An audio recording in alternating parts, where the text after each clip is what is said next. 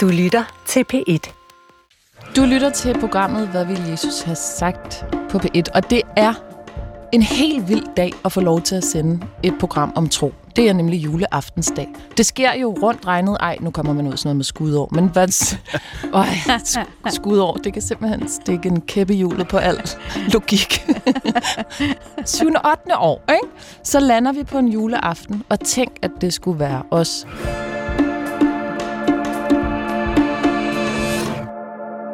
Carsten Møller Hansen, velkommen til dig. Tak, Iben. Fra Tornby Kirke. Ja. Ja. Du er klar på en juleaftensudsendelse? Ja, Det er godt. jeg kan godt lide juleaften. Elsker du juleaften? Ja, det gør jeg faktisk. Okay. Hvad så med alle dem i menigheden, som har det svært med juleaften? Ja. Hvordan rummer man det, hvis man er en rigtig ægte julekris? Ej, det er... jeg vil virkelig ikke kalde mig selv for en.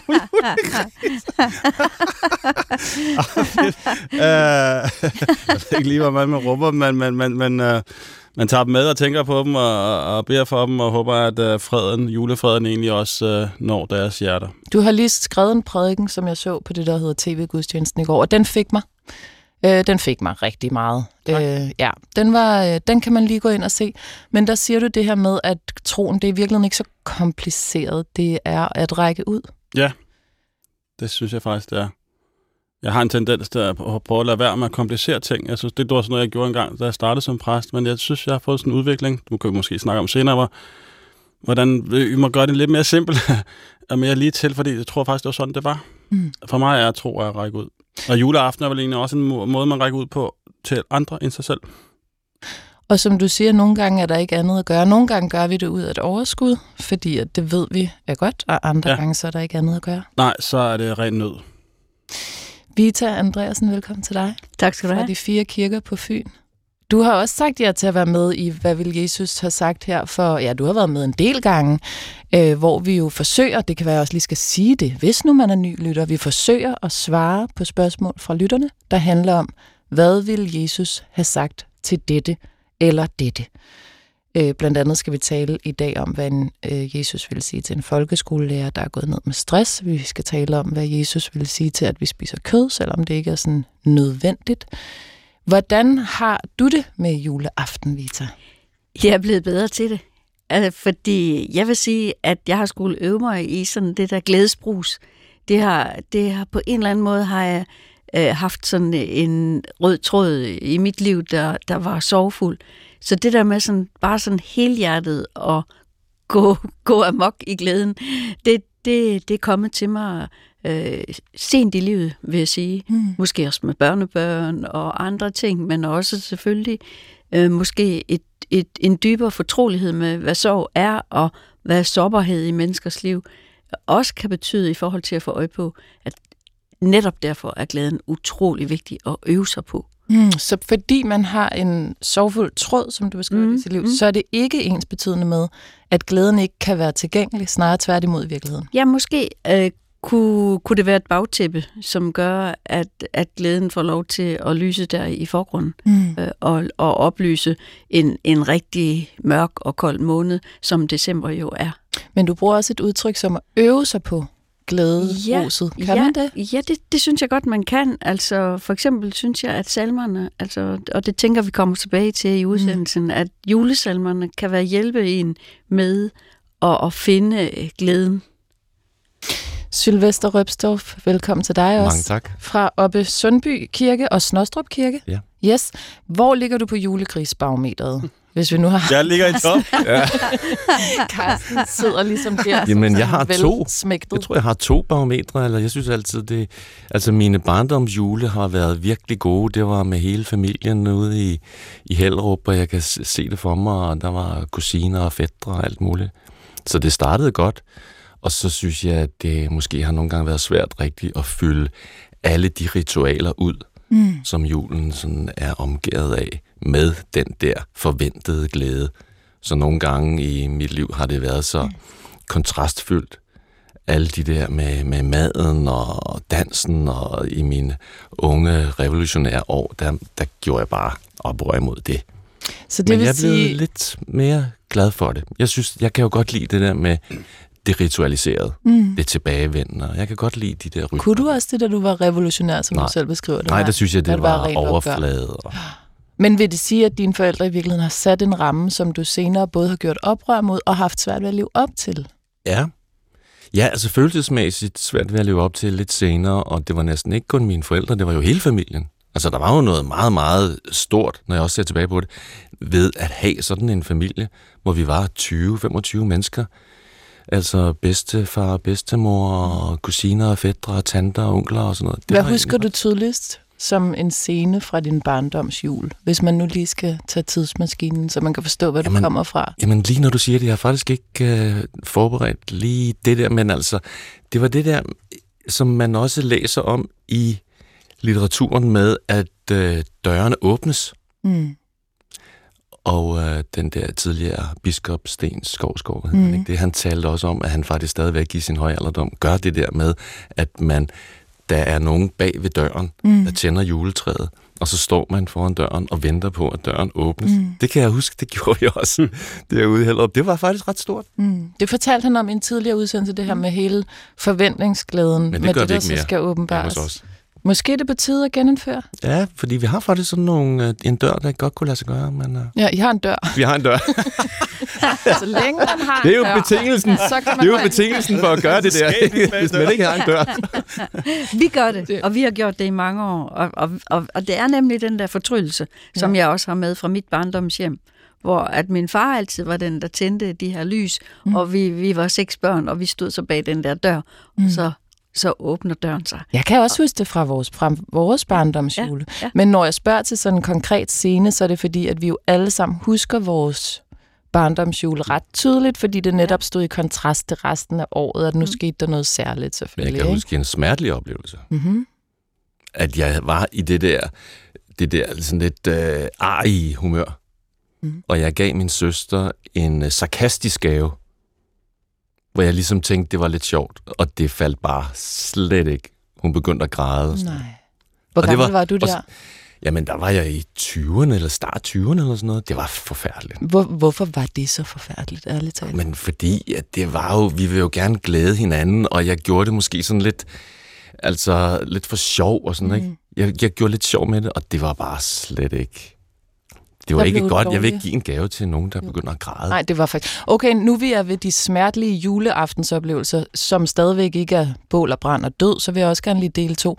Jeg vil bare lige huske at sige til lytterne, skriv ind til jesus hvis du har et spørgsmål, som vi skal forsøge at vende i forhold til, hvordan Jesus ville have set på det. Og i den her udsendelse kommer der lidt færre af den type, fordi vi skal tale utrolig meget om juleaften, fordi det er juleaftensdag. Øh, to smertelige, så tager jeg lige en fra min tidlige barndom og en fra, min, fra sidste år. Mm. Min tidlige barndom, den er ikke, nu sidder man og venter på traumer og sådan noget, det er ikke der, vi er. Jeg fik det, der hedder flæsk. Kender I det? Den type vingummi, som ikke er vingummi, hvor du ikke skal tykke den, men hvor du bider direkte igennem. Ja. Det er så ulækkert. Eller det, når man er barn, så er det ikke sådan det, man... Kan, ved I, hvad jeg taler Jo, om? jeg, jo, jeg Den der geléklump. Ja, ja, ja. så havde vi en lille Fiat øh, hvid bil, og jeg listede den ud. Den, de der rulle, hvad hedder det, vinduerne kunne ikke rulles ned, så der blev, man skulle ligesom banke, og så, så stod det op en sprække ligesom i bag, når man sad bag os. Så jeg spyttede det der flæskstykke ud, da vi var på vej hjem, super skuffet i øvrigt. Og så øh, satte det sig fast på den hvide bil. og, og jeg kan bare huske den der følelse af, sådan, på en eller anden mærkelig måde, nederlag, at jeg havde ikke formået at få det der stykke flæskevingummi ned i maven. Men der var ikke nogen, der sagde Der er ikke noget. nogen, der har... Jeg ved ikke, om de ikke har opdaget det, mine forældre. Okay. Eller om de bare lavede det sidde til sådan, at jeg ligesom skulle konfronteres med min kredsenhed. Men du skældte dig selv ud. Jeg skældte mig selv ud, hver gang jeg så den der lille gule dut. Den anden ting, øh, det var sidste år, hvor at jeg lige havde fået en baby, og så tænker jeg, nej, nu skal jeg vise mit store dreng, at jeg stadig kan alt muligt andet end at være nybagt mor. Så jeg købte sådan en julemandskostyme. Var det dig, der skulle være julemand? Jeg kan godt sige jer, ja. da jeg bankede på, for vi har nemlig også en dør, Ja. da jeg bankede på den og kom ind, det var slet ikke Okay. Nej. Ej, han, han blev så På bange. den mindste grad. Ja. Altså, jeg har aldrig set hende blive så forskrækket over, at hendes mor var, havde skæg på. Nej. Og den store, han var bare sådan, nu har du ødelagt alt. For der er det er jo ikke, som det plejer at være. Nej. Altså, du har jo ødelagt alt. Du har jo taget røven på mig på den mest ubehagelige måde ja. Nogensinde. Ja. Der blev så dårlig stemning. Jeg brugte to timer på at rense op. Ja, okay. Vita og Carsten, I kan lige overveje, hvilke juletraumer i både den lette og tunge skala, som I har lyst til at dele. Man må selv vælge, om man tager en let eller en tung skala.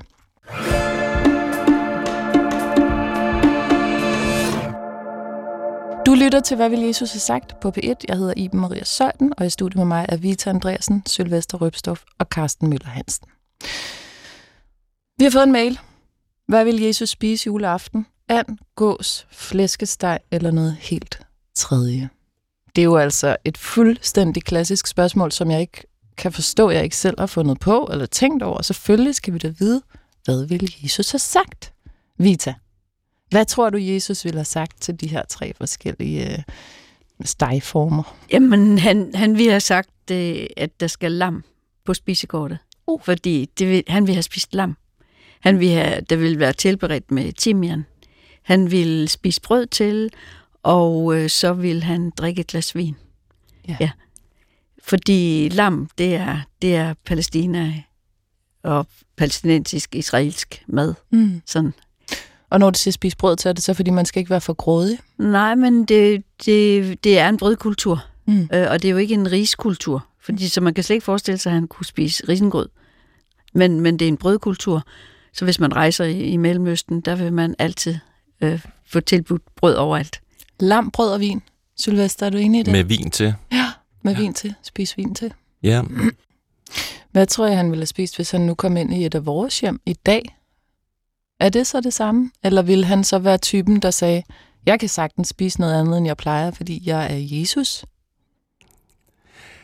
altså jeg synes, det er meget interessant der, at han, øh, efter han er opstået og møder disciplene, så spiser han. Så den, øh, den opståede Jesus øh, spiser fisk. Mm. Og det synes jeg er meget interessant, at, øh, at når man er opstået fra de døde, så er der stadigvæk det læmelige behov, Mm. som næsten sådan er et bevis for kødets substance, at det er kødets substance. Mm. Det er ikke, det er ikke en, et sådan et æderlæme, der ikke har brug for noget føde. Mm. Altså, i det hele taget fornemmer man jo godt, at måltidet er meget vigtigt i forhold til øh, Jesu færd. Er der en grund til, at gudstjenesten ligger før man spiser sammen, og ikke efter, som man for eksempel oplever det i den katolske kirke, at den kan gøre sådan en midnatsgudstjeneste? Eller har I tænkt over det? Er der en grund til, at man så skal hjem og spise? I hvert fald kan man sige, at det er blevet en meget dansk øh, kultur, at, at julefejringen er den 24. Hvor den jo er øh, ved midnadstiden, når vi kigger tv fra, fra Peterskirken, og i den katolske verden, som jo er vores, hvad skal man sige, fundament og vores broder- og søsterkirke, der er det jo den 25. Der, der er den store julefejring. Det er egentlig lidt ærgerligt, at den 25. er, er blevet sådan... Her går vi rundt i nattøj og, og kan ingenting. Man kunne måske godt øh, høje, øh, hvad hedder det, helligholde den 25. lidt, lidt mere. Altså, vi helligholder den rigtig meget i nattøj, men altså som, hvis jeg må have lov at sige det, som yoga praktiker, eller så siger man jo også altid, at man uh, laver sin praksis, før man spiser. Mm. Så det er jo, og det er jo egentlig også oprindeligt en religiøs praksis Mm. at lave yoga, så jeg synes, det giver meget god mening, at man går til gudstjeneste på tom mave. Der er også jo selvfølgelig hele sådan festligheden omkring, man ved, at man skal hjem og hygge sig. Hvis det er det, man skal. Hvis det er det, man kan. Vi har fået en uh, anden mail fra en lytter, og den relaterer sig faktisk også lidt til måltidet. Hvad ville Jesus sige til folk, der spiser kød, når det er unødvendigt i vores del af verden? Jeg har tænkt meget over det spørgsmål i løbet af de sidste fem år. Og jeg kan ikke se nogen som helst mening med at spise kød, når vi ikke har brug for det, og når det både gør godt for klimaet, verdens fattigdom og egen sundhed at spise sund og varieret plantebaseret kost. Desuden kan jeg ikke se bort fra tanken om, at det er uetisk at tage dyrenes liv, når det ikke er livsnødvendigt for os.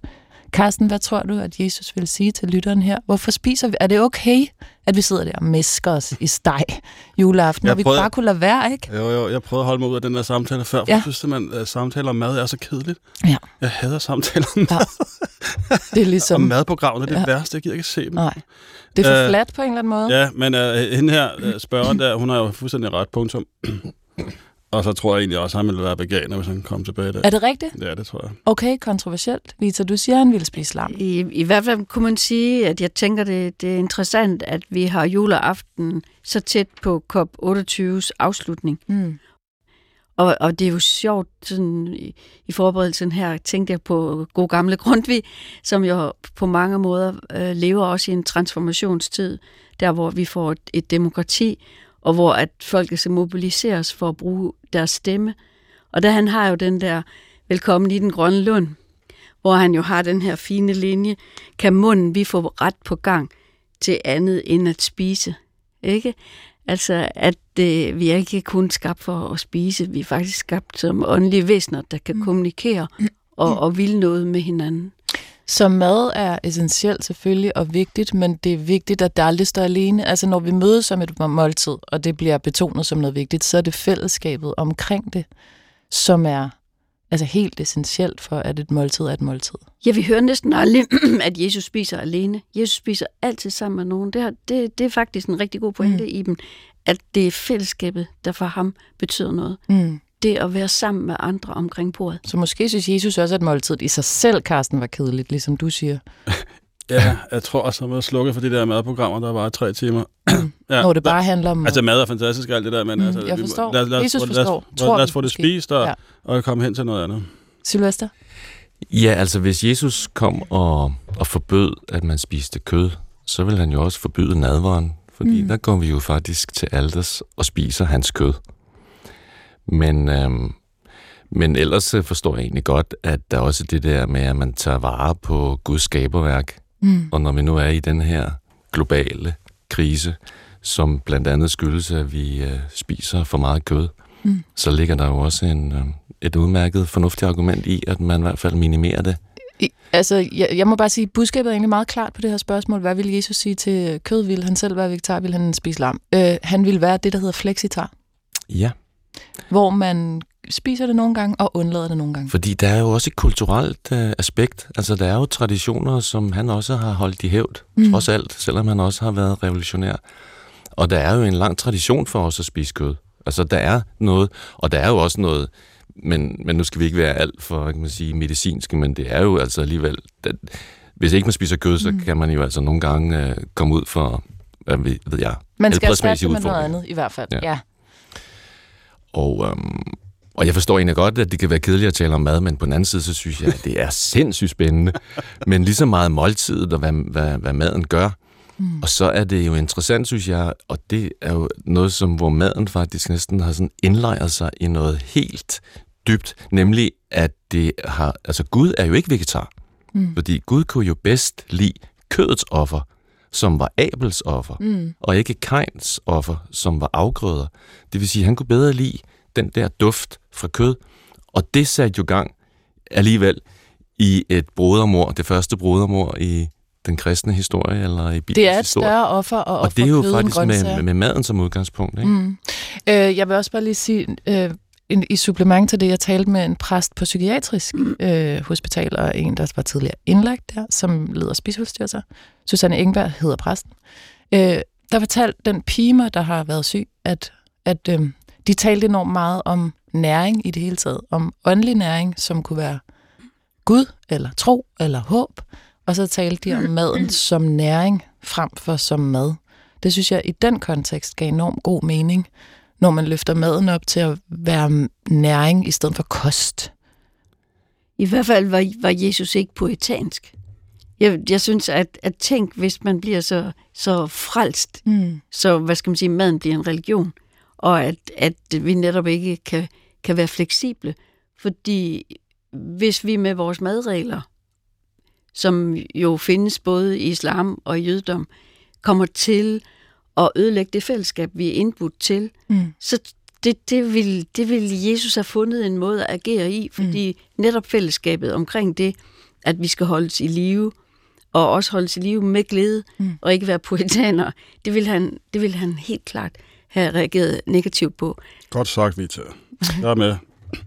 Men det med, at øh, et, øh, et måltid kan øh, blive fantastisk, fordi det er et godt selskab. Selve maden smager bedre i et godt selskab. Mm. Det har han jo næsten drevet ud til den mest radikale grænse, mm. at det faktisk er fællesskabet, der er så meget. Det fællesskabet, primære, der er måltidet. Ikke? At man kan nøjes med en lille oblat. Du lytter til, hvad vil Jesus have sagt her på B. Du kan altid skrive ind til jesus-dr.dk. Øhm, hvad er den vigtigste opgave for jer som præster? Jeg, jeg tænker på, at juleaften er jo kirkens øh, juleaften, havde jeg sagt. Altså, det er jo absolut den mest velbesøgte dag overhovedet. Hver gang jeg sidder der, hvert år jeg sidder der, så tænker jeg, om ikke det er provokerende som præst, det her med, at folk har ikke tid resten af året, og så lige pludselig, når det bliver en del af noget hygge og tradition og sådan noget, så kan man nok indfinde sin plads på kirkebænken. Altså får I ikke også nogle gange lyst til at sige, prøv, I må kun komme her, hvis I også kommer her en gang, minimum ja. en gang om måneden resten af året. Altså vil I det, eller vil I det bare ikke? Rigtig skæld kirkegængerne ud. Jamen, det, den er prøvet, men den, ja, virker, den, den, virker, ikke. Den virker ikke. Man skyder sig selv i foden. Virketugt. Man skal være glad for, at de kommer jo. Ja. Ja. Men, men har I ikke den? Har den Nej, jeg har den ikke. Nej, jeg har den heller ikke. okay. Ikke. Nej. Flot Jeg har ikke prøvet det endnu. Nej, du, det er jo første jul for dig, Sylvester. Hvad tænker du så, Karsten, når du ser det strømme ind der af, af kirkeporten? Jeg synes, jeg synes, det er storslået, faktisk. Sådan har jeg det også, ja. ja. Altså, for mig er det årets bedste arbejdsdag. Mm. Så du tænker slet ikke, at det er svært, at de ikke er der resten af tiden? Du tænker, hvor er det og fantastisk, de er resten nu. af tiden, ikke? Ja, de måtte godt være der. Ja, men det er ikke en bitterhed, og det er det heller ikke hos dig. Endelig er I kommet. Ja. Ja. men, men Jan, Jan Lindhardt, der var biskop i Roskilde, øh, ikke lever mere, han, mm. havde, han havde jo sådan øh, virkelig altså en fantastisk evne til at have one-liners. Og han sagde jo, at vi skal simpelthen bare i kirken øverst i at have flere juleaftener. Mm. Men juleaften er jo også bare en, altså, det er en folkekirke, vi har. Altså, det er virkelig et godt møde mellem kirke og folk, synes jeg. Ja. Øhm, nu sidder man her og holder juleferie, og lige om lidt, så skal man tilbage på sit arbejde. Men der er nogen, der ikke skal tilbage, og det er dem, der er syge, øh, eller dem, der er sygemeldt med for eksempel stress. Eller ikke har arbejde. Eller ikke har et arbejde, og gerne vil have et arbejde eller bare ikke har et arbejde. Vi skal høre fra en folkeskolelærer, der har skrevet ind til jesusnablag.dr.dk. Kære præster og Iben, jeg er folkeskolelærer, som er sygemeldt med stress. Jeg er overvældet af mit arbejde og overvældet over intensiteten på skolen. Mange børn, som har særlige behov, som skolens rammer ikke kan imødekomme. En tilvænding, hvor daglig vold og trusler om vold indimellem elever eller mod lærere accepteres som et arbejdsvilkår. En økonomi, hvor det ofte, ofte sker, at fra værende lærere ikke bliver vikardækket, og en dagligdag, hvor mange elever har det så svært, at kravet om at være inde i klassen, når der er undervisning, ikke kan honoreres fra eleverne, og ledelsen derfor accepterer en meget høj grad af elever, som laver alt muligt andet end at blive undervist. Jeg kan på den ene side godt lide at undervise. Jeg oplever, at jeg er god til mit arbejde og føler et enormt ansvar for ikke at svigte mine rigtig dejlige kollegaer og elever. På den anden side har jeg lyst til bare at sige op og lade skolen sejle sin egen sø, og i stedet finde et arbejde, hvor jeg var glad, trivedes og følte, at jeg havde noget tilbage af mig selv, når jeg havde fri til at være en ordentlig forældre, ven, søster, barn, barnebarn og være noget for min nærmeste. Hvad vil Jesus sige til mig i min situation? Er det okay ikke at klare mosten, eller er det som at lære at drikke kaffe? Jeg må bare drikke folkeskolen mosten længe nok til at begynde at kunne lide den. Tak for et virkelig dejligt program, siger hun til jer. Mange gode hilsner. PS, jeg har været på mit nuværende arbejdsplads i et år, og jeg har været uddannet lærer i otte år. Det er et virkelig godt spørgsmål, det her, fordi det så tydeligt opridser øh, hensynet til en selv over for hensynet til fællesskabet. Hvis man nu bare lige lægger sådan et helt konservativt skøn ned over det her. Sylvester, hvad hører du i den her mail? Jeg hører, at... Øh, og jeg hører også min øh, veninde, der også er folkeskolelærer, et enormt ansvar over for nogle helt konkrete børn, mm. som, øh, som man øh, har et ansvar for, at øh, man ikke ligesom løber af borer, ikke? Løber, altså løber væk. Og, øh, og så, fordi hvad, hvad er det ellers, der holder? Man kan sige, det er økonomien, der også holder en fast på den der arbejdsplads, som kan være alt for mm. meget. Men jeg tror, at det der med pligten over for ansvaret over for de her børn, det er næsten det værste, eller det der, det der ligesom er, at det, der holder hende tættest på. Og, øhm, men så synes jeg jo egentlig, at selvomsorg er meget, meget vigtig. Mm. Også, øh, du skal elske din næste som dig selv. Så det vil sige, at man bliver nødt til at elske sig selv, det vil sige have omsorg for sig selv, Mm. for at kunne være noget for andre. Og hvis man ikke øh, er i folkeskolen over for de her øh, unge mennesker og børn, som jo er et- af de, det, altså samfundets næst vigtigste job. Mm. Pædagogerne, der har med de endnu mindre, er måske det vigtigste Mm. job i overhovedet i hele samfundet. Så er der jo, øh, der er jo stadigvæk nogen uden for skolen, man kan være noget for. Altså, der er jo altid nogen, der har brug for en. Mm. Så Nå, så det du siger, er, at selvom hun siger op, så ja, betyder så er der det stadigvæk, ikke, at hun hvis man er der. bange for, at man ikke kan være noget for nogen, det skal man ikke være bange for, for der er altid nogen, der har brug for en. Mm. Det er en meget god pointe, fordi så er det ikke enten eller, at enten så tænker hun på sig selv og siger op, eller også så tænker hun på de andre og holder Nej. det ud og drikker folkeskolemosten. Men det er i orden at tænke på sig selv. At, Carsten, det lyder som om, at der er et menneske her, der har individualiseret et problem, som er strukturelt. Som er, at, at skolen kunne, bruge flere, kunne have brug for flere midler øh, på alle mulige måder, og så gør hun det til et spørgsmål om, at hun selv ikke rækker. Hvad vil Jesus sige til hende? Ja, det var meget godt sagt. Men sådan opleves verden jo. Altså struktur opleves jo ikke som struktur, som man, kun som noget, man selv oplever. Altså, så på den måde forstår jeg godt at hendes problemstilling fuldstændig. Altså jeg synes jo også, at hvis ikke det, du sagde det var næstvigtigste, jeg vil næsten sige det, det kan man altid snakke om, men altså det er virkelig det vigtigste job for mig. Altså børnene forlader deres hjem, og så går de over i, i skolen, og alle ved, at det, altså en god lærer, ikke? altså hende glemmer du, eller ham glemmer du aldrig. Altså det, det former dig, og du kan tage det med. Jeg kan stadig huske min lærer, altså, altså 30 år efter jeg går i skole og så videre. Jeg synes faktisk, det er et enormt betydningsfuldt job, og det må være så ødelæggende for en selv, at hun ikke selv synes, hun, at muligheden er der for, at hun kan, leve, hun kan gøre det, hun egentlig gerne vil. Det er noget af det mest triste i hele verden, jo, det der med, at man, man vil så gerne gøre det, det, og man ved præcis, hvad man skal gøre, men man kan ikke gøre det. Mm. Altså, og hun, bliver, hun er jo omsorgsslidt, altså medfølelsens pris, det der, altså, det, det, det er jo 100 gange nemmere for mig, sådan oplever jeg det i hvert fald, det er 100 gange nemmere at sidde foran en computer og gå på arbejde, end det er at stå med mennesker, og særligt med børn, og i disse år børn med alle mulige udfordringer. Mm. Helt konkret, så synes jeg faktisk, at hun skulle holde en pause for det job, fordi det der, øh, hun siger, skal jeg blive i det? Folke, øh, hvad var det, folkeskole, Mm. mosten og sådan, nej, det Mm. skal du ikke blive i, fordi du kan ikke holde dig selv ud i det. Du gør ikke det, som du gerne ville, og du gør med dermed heller ikke børnene det, som du egentlig... Du giver dem ikke det, du kunne give dem. Hold en pause fra det, måske. Øh, måske finde en anden skole. Øh, jeg ved ikke, jeg synes faktisk, hun skulle trække sig lidt ud af det, for det der, det er slidsomt. Mm. Og hun træk, træk, og hun bliver, til sidst bliver hun faktisk sur på sit fag. Og hun tror jeg, hun vil opleve, hun vil føle, at hun, var, hun er dårlig til det. Og hvem gider gå, gå på arbejde med noget, man er dårlig til? Mm. Og, men som du også siger, strukturen er ikke til, at hun kan gøre det. Altså, Mm. jeg er gammel skolelærer vikar, altså hvis jeg ikke havde været præst, ville jeg være skolelærer. Altså det, jeg synes, jeg vil elske at være skolelærer. Men også der er også konfirmander også, altså det er jo, det, det er jo en slidsom opgave egentlig også, ikke? Og man, altså man er virkelig, Fordi man, man er tager- meget med i det selv, altså. Og det er jo det, som slider, ikke? Altså hun er i det selv. Men det var Jesus jo også, og han Ja. ja. havde jo overhovedet ikke engang mulighed for lige en gang imellem at gå hjem og lave en journal men Jesus på en var computer. Jesus og øh, en anden end os, Mm. og vi bliver aldrig som Jesus. Så det, han, ham, ham skal hun ikke sammenligne sig med. Og hvad vil han så sige til de mennesker, som han godt forstår øh, ikke kan være som ham, som ja. Ja. så er hende? Jeg, jeg, jeg, jeg tror, ham, ham- jeg tror virkelig, han vil sige, jeg, jeg, jeg vil godt se, at du faktisk forsøger, du vil faktisk virkelig gerne det. Mm. Men nogle gange kan man, det gode, man gerne vil, kan man ikke rigtig udfolde. Altså, Så Ja. at blive set for det, man gerne vil, frem for konkret altid de der målbare med, hvad du så opnår ud fra det, du gerne vil.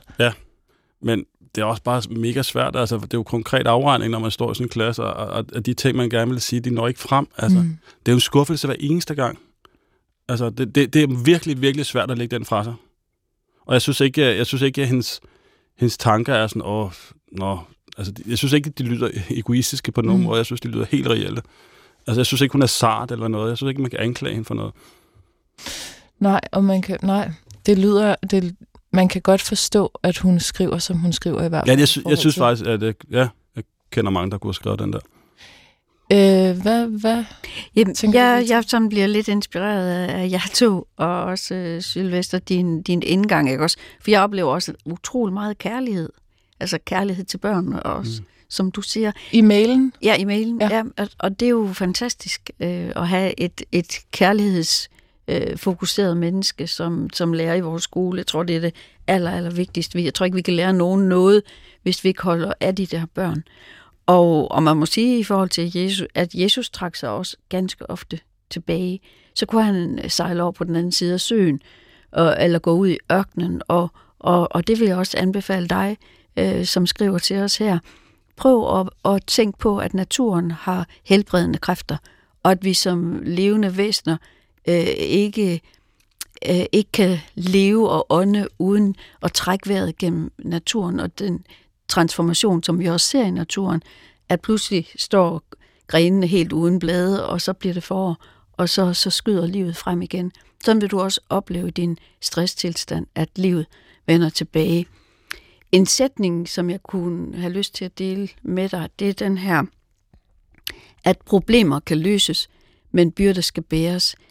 Øh, og netop når vi sådan tænker på det strukturelle, så ved jeg godt, at selvom du går til en skoleleder, så er det ikke sikkert, at han eller hun er enig i, hvad der strukturelt kan løses på din skole. Mm.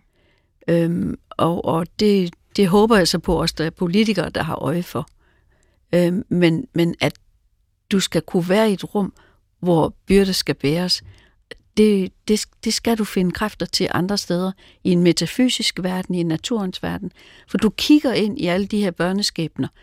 Øh, lille Hans, der ikke har, øh, øh, ikke har et, et hjem at vende tilbage til, eller lille Katrine, der, der um, ikke, ikke bliver optaget i fællesskabet af de andre, eller øh, Susanne, der har mistet sin mor. Så du ser jo ind i alle de her byrder, som børnene skal bære.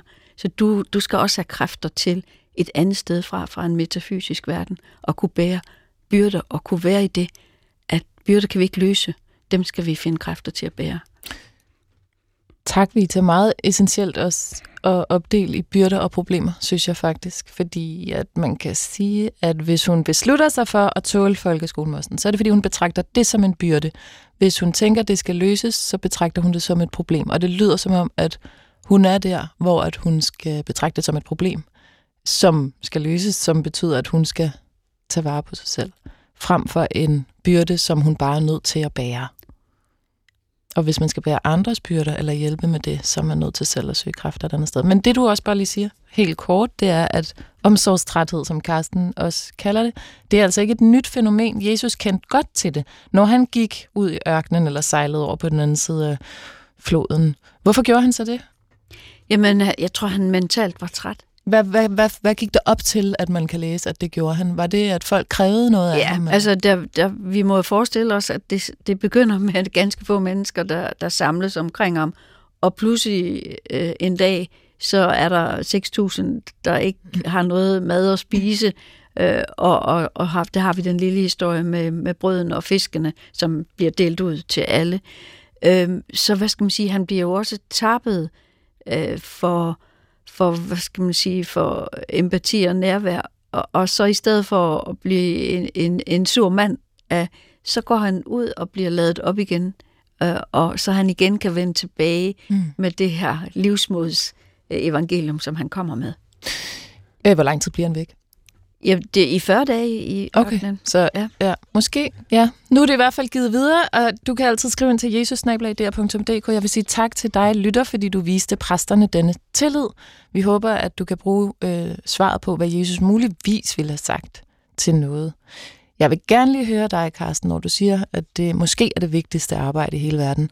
Du har selv, hvis ikke du var præst, ville du være folkeskolelærer. Hvorfor Ja, det er det her så vigtigt? Altså, når barnet forlader hjemmet, ikke? Altså, så, så går de jo hen i skolen, og der er det virkelig nogle, nogle ekstremt formative år, hvor, hvor, hvor, hvor jeg tænker, at de ting, man tager videre med i livet, har, har vi ofte lært af en god lærer. Altså, be, altså en, en, en god lærer kan være så betydningsfuld. Altså.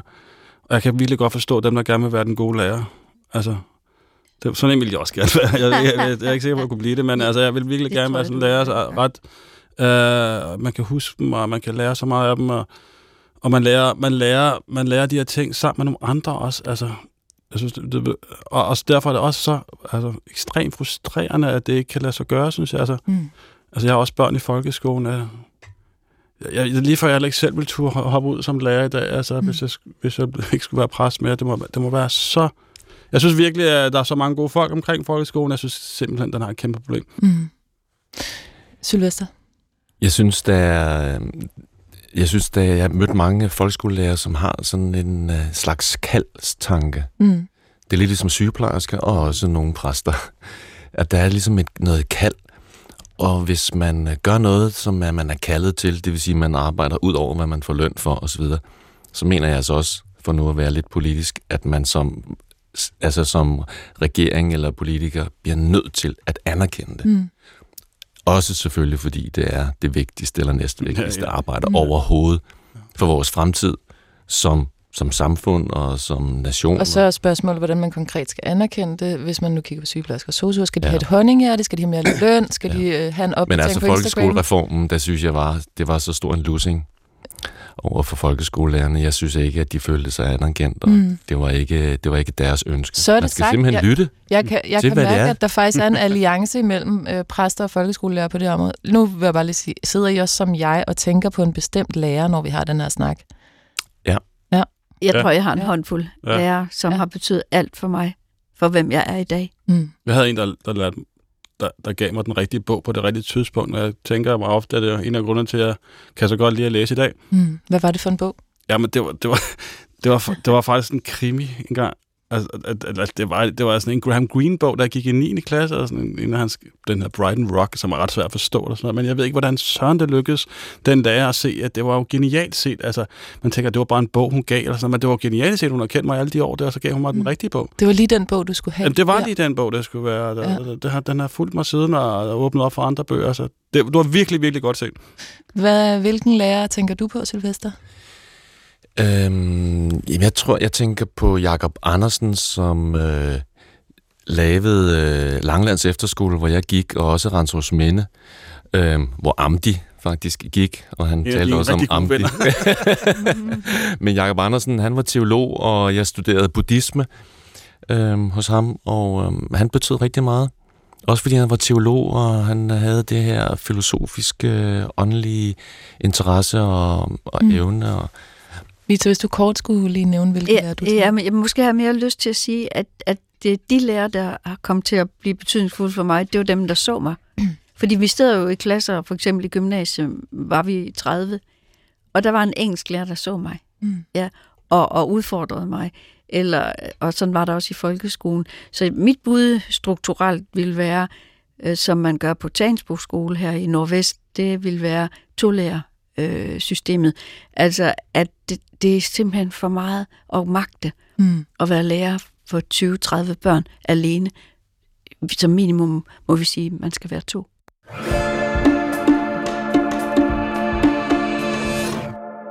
Du lytter til, hvad Jesus ville have sagt, og øh, det her var jo altså måske ikke sådan lige... Jo, man kan også sige, at Jesus var da en kæmpe lærer. Altså var han, han ikke... Var, var han, han, ikke, var han ikke hovedsagelig lærer? Altså når I nu siger, lærer. at det er det vigtigste... At blive set.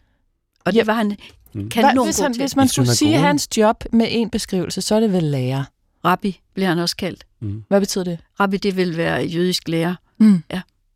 Men det er også lige lidt mere end bare lærer. Okay. Ja, selvfølgelig er der lige lidt ekstra til det. der er noget med, han Sådan opstår. er det jo gerne med jer to, hvis det er præster, ikke? At det, skal, det er aldrig, en sætning er aldrig slut. det er aldrig sådan, så jeg kan... Altid komme.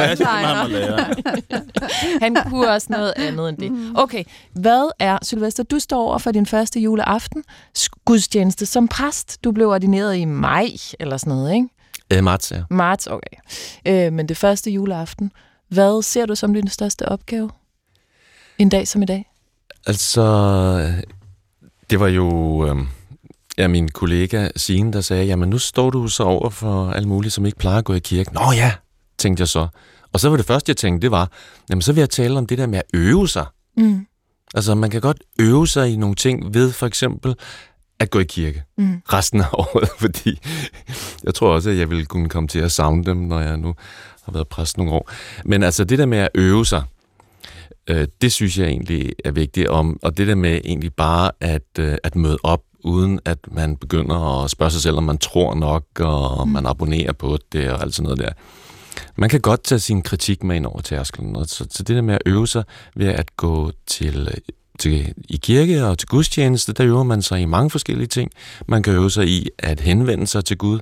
Man kan måske endda også mærke en berøring, eller man kan komme tættere på sig selv. Man kan komme ind i et helt skærmfrit område.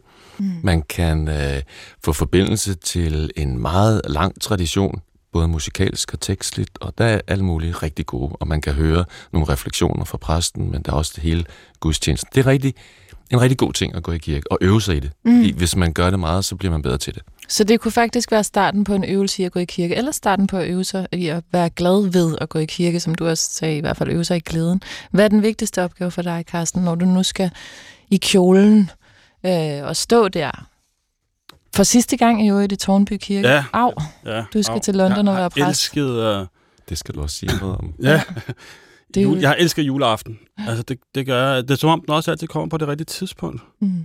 Altså, jeg, jeg, Den kommer altid lige ja, det er lidt på den der. rigtige dag. Men den også Fordi, fordi, fordi vi har den, brug for den.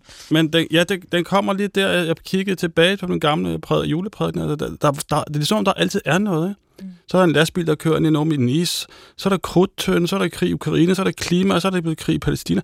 Altså, det er som om, der altid er et eller andet mørkt og sort og dystert, og vi kan sagtens fortælle den realistiske historie om en virkelighed og en verden, der har det så svært.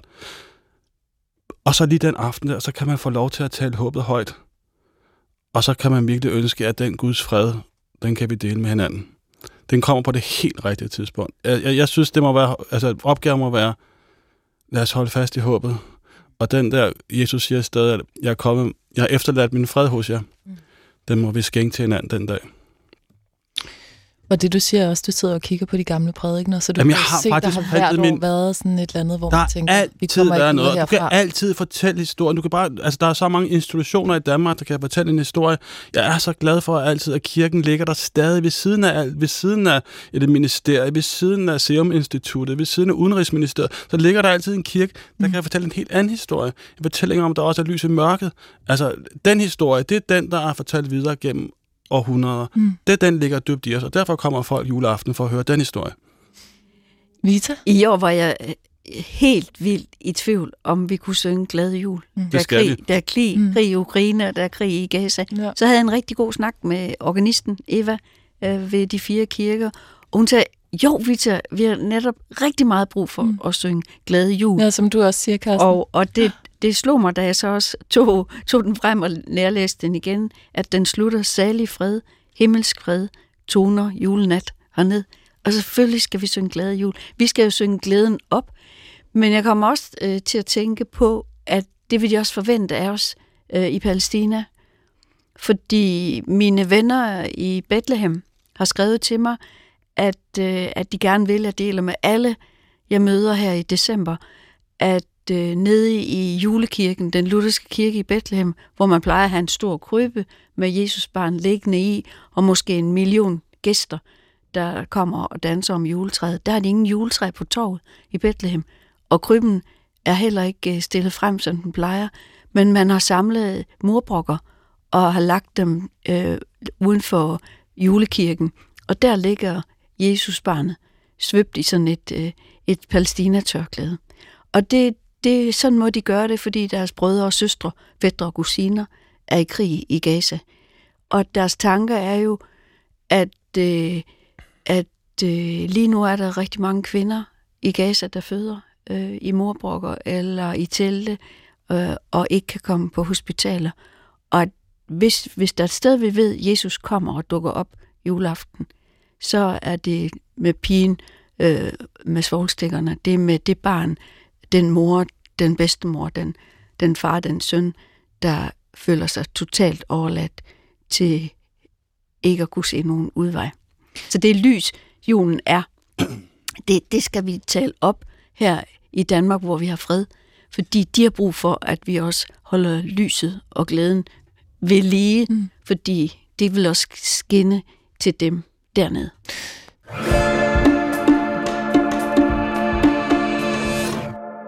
Du lytter til, hvad vil Jesus have sagt, og det er jo en udsendelse, hvor vi svarer på spørgsmål fra lytterne omkring, hvad vil Jesus muligvis have sagt til det problem, man står i. Men Udsendelsen i dag har faktisk øh, fået et lidt øh, overraskende tema, som er det her med, at glæden er ikke kun noget, vi har adgang til, når det er nemt. Måske kan glæden i virkeligheden få en dybere betydning eller et dybere aspekt, hvis den opstår på baggrund af noget andet. Ikke dermed sagt, at sorg og ulykke er øh, noget, man foretrækker, men det skal ikke afholde en for at forsøge at holde håbet, hvis det er det, man kan, hvis det er det, man gerne vil. Jeg synes, det er et meget stærkt billede, at Jesus så ligger på den baggrund, frem for krybebaggrunden i år, hvis det er det, de fortæller dig, Vita. De har sendt billeder af det, Mm. Så det er det, de gør.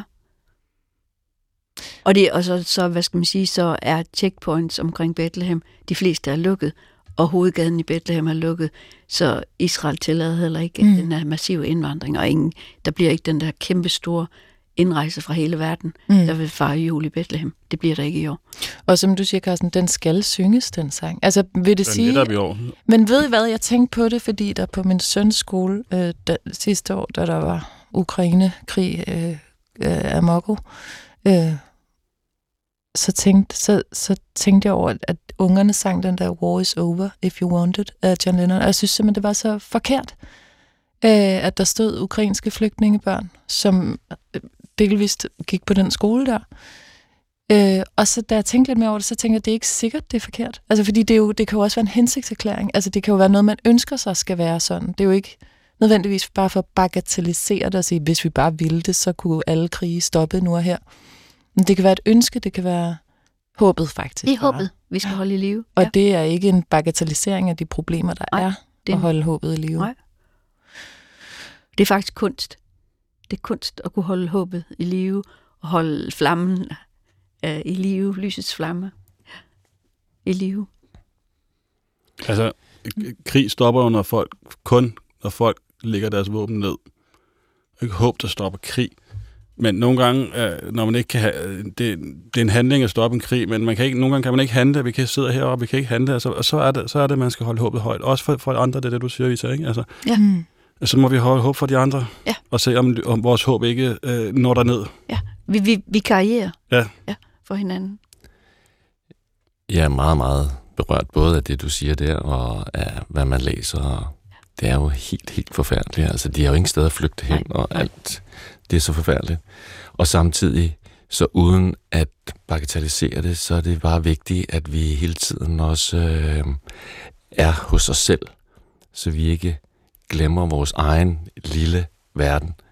Så en ting, man kunne også sige til jul, det er også, at man måske også lige kigger lige uden for sin kernefamilie, hvis man har sådan en, som tit er sådan en meget lukket enhed, kigger lige lidt ud. Så jeg synes egentlig, at en opgave for præster er også at slå en ring, der er lige lidt større end kernefamilie, Mm. som man faktisk er enten solidarisk på den ene eller den anden måde med andre folk, som er lige uden for det gode selskab. Ja, så selvom man ikke kan alene overhovedet have noget at skulle have sagt i forhold til fred i verden, så kan det være en udfordring, altså som man kan tage på sig, og bare lige hoppe et par led ud. Ja, både lade freden sænke sig over de familiekonflikter, der måske er, eller at øh, kigge til, at der er nogen lige uden for ens familie, der måske Mm. er ensomme.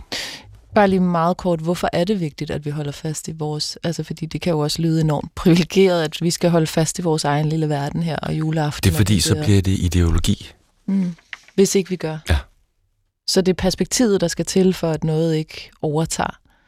Ja, vi bliver nødt til at øh, være bevidste om, at vi er her, og også være bevidste om den afmagt, Mm. som vi har. Mm. Så vi ikke tror, vi kan løse det.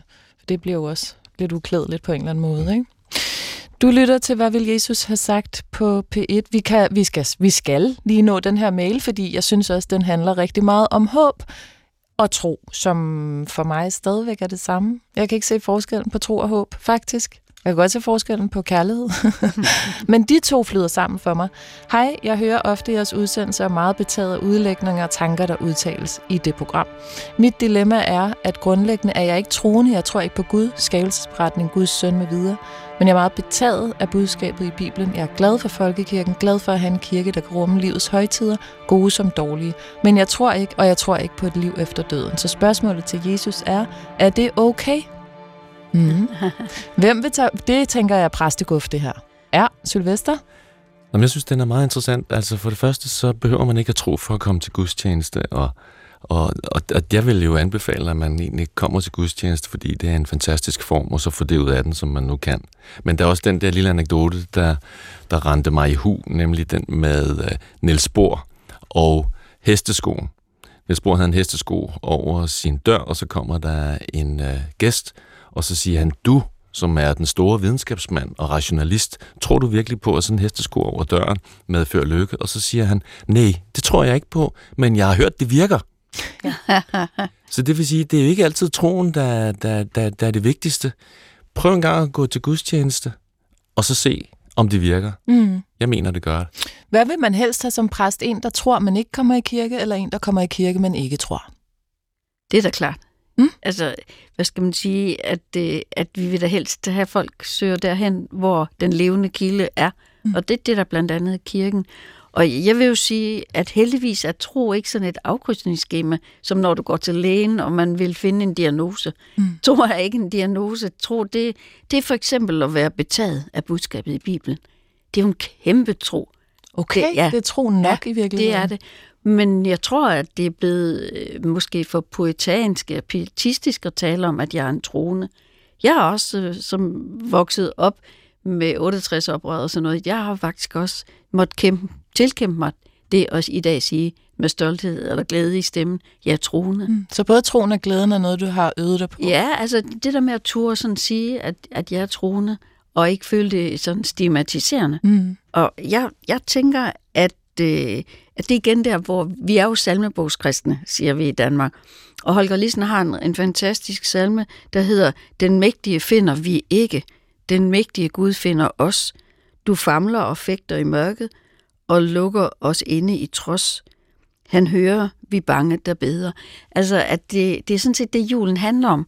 At det ikke er os, der sådan krampagtigt skal ligesom tro, at vores tro kan bygge en stige til himlen, og så få fat i det der glans, mm. som, som Gud er.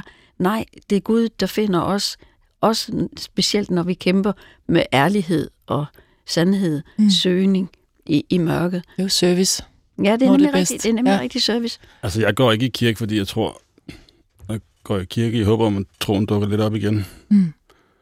Er det okay, spørger læseren, eller spørgeren der? Ja, ja, det skal vi i hvert fald ikke bestemme, om det ikke er. Altså, jeg synes, det er meget... Altså, jeg, for mig er relationen altid mellem den enkelte og Gud.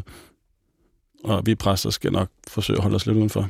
Mm. Okay, så i virkeligheden er der også noget, en præst ikke skal blande sig i der overhovedet. Hvor mange procentielt vil sige, at jeres øh, kirkegængere, det tror? Altså er det ikke også noget, som du siger, Vita, man simpelthen måske ikke rigtig tør sige, at man gør, for det at tage for munden for fuld, eller hæve sig op? Men det er også eller... svært at sige, fordi hvad skal, hvad, hvad, hvad skal man så Ja. sige, man tror på? Altså, Ja. det er jo Ja. altså, det, det er også Mm. ekstremt. Det er, jo- Ja. for der er også en påpasselighed om, og, Mm. omkring det, fordi altså, Mm. ja, det, det, jeg tror man, og så bagefter så tænker man, hvad så jeg tror på? Mm. Og så vil det blive besværligt. Men samstemmende siger I, ja, selvfølgelig er det her okay, og faktisk er der måske en kattelem, der hedder, du tror allerede. Ja, det tror jeg da. Altså, Mm. mm. at vi kan næsten ikke, og det er jo så også, fordi vi bor i Løstrups land, Mm. mm. på Løstrup, at vi kan jo ikke overleve uden tillid. Mm. Men det er klart, at det bliver interessant altså øh, for os at have den rolle, at vi skal klæde folk lidt mere bedre på til at og ligesom have nogle ord for det. Mm. For det, det er jo... Det er så præstens opgave. ja, det kunne man sige, jeg. men det er ikke dogmatikken. Mm. Det er mere, at troen synger i os, som vi også har i en salmelinje. Det der med faktisk at være både af tro, håb og kærlighed, og være betaget af den her fantastiske fortælling. Mm. Det, det er tro for mig. Jeg synes, tro er en gave, der kommer udefra.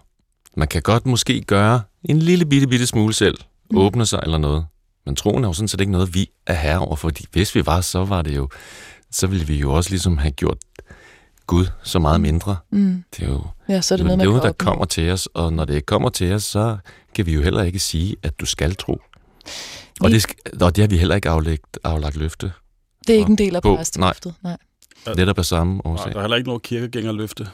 Nej. Der er et præsteløfte. Faktisk men ikke meget, øh, meget vigtigt Men at vi har frem. ikke lagt løfte på, at vi skal tro. Og vi er jo heller ikke trospoliti, som man jo desværre fik øh, lige op mod reformationen. Jeg tænkte nok, det her spørgsmål, det var essentielt i forhold til jeres virke. Jeg vil bare sige helt, helt kort. Vita Andreasen, Sylvester Røbstorff og Carsten Møller Hansen, tak fordi, at I var med i dagens udsendelse. Hvordan siger I bedst muligt glædelig jul? Altså, det skal være så kort. Hvad vil I sige til lytterne på denne højhellige dag? Tag mod, hjerte løft dit glædes vinge. Tag mod glæden, lad den bo i dig, og rigtig, rigtig glædelig jul. Jeg tror, vi lader den blive der. Vita, tak. Karsten, tak. Og Ja, det var sidste jul i Tornby. Du skal sige farvel til et embede et bestemt sted og fortsætte et nyt. ja. Ja. Kommer skal du til at fælde en bedre tårer, når du tager kåben Jeg har af? virkelig øh, holdt meget af det der julegudstjenester i Tornby. Altså, det virkelig følt mig modtaget og været en del af det, og, og, og så få lov til at sige, må Guds fred være med jer. Det, det glæder mig til at sige hver år. Jeg glæder mig også vildt til juleaften. og du, du, du får så fuld en kirke, Karsten. og Gud være med Det er dig. finaleprædiken. bare af bag. Og Ja, ja, ja. Sylvester, hvad er, den, hvad er den vigtigste sætning for dig som helt ny præst? Hvad skal Jamen du sige, altså, jeg kunne ikke sidste? gøre det bedre end Vita. Altså, jeg glæder mig også øh, til at, til at stå der. Øhm, det er i Jørlunde, fordi Mm. jeg er jo faktisk også vikar i Jørlunde i den Mm. her tid. Og øh, ja, må Guds fred være med jer helt ind i hjertet, og i jeres familie, og når I danser, og når I ånder, og når I går i seng, og når I står op. Det er, hver dag er en fødsel. Det er også noget med, at øh, der bliver født en glæde i hjertet, når øh, Jesus bliver født. Og, Mm. den, øh, og den fødsel er faktisk, det, det er noget, der sker på den dag Mm. i året, og på den dag i historien, Mm. men det er også noget, der sker hver dag. Og så vil Det er sige, også en det er jo, påmindelse om, det er jo fedt, men hvis du taler med en kvinde, der har født to børn, så må sige nej tak til at føde hver dag. Ja, altså bare lige det kan man Det sige. vil jeg altså bare lige sige.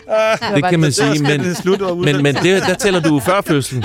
Ja, okay. Nej, nej, nej, det er jo, det er jo, det er jo når barnet kommer op på, på brystet Ja, af dig. lige den, den tager vi med videre. Det er der. det er det, der er julen. Det er det. Det er det, der er julen. Ikke? Nu forstår Er, alle Nu smerter ikke, forstår jeg julen. alle smerter ikke glemt der. Det er i hvert fald det værd. Tak fordi I var med i dagens udsendelse, og til dig, lytter, tak fordi du lyttede med. Tak til producer Christoffer Rauf Heide. Skriv ind til jesus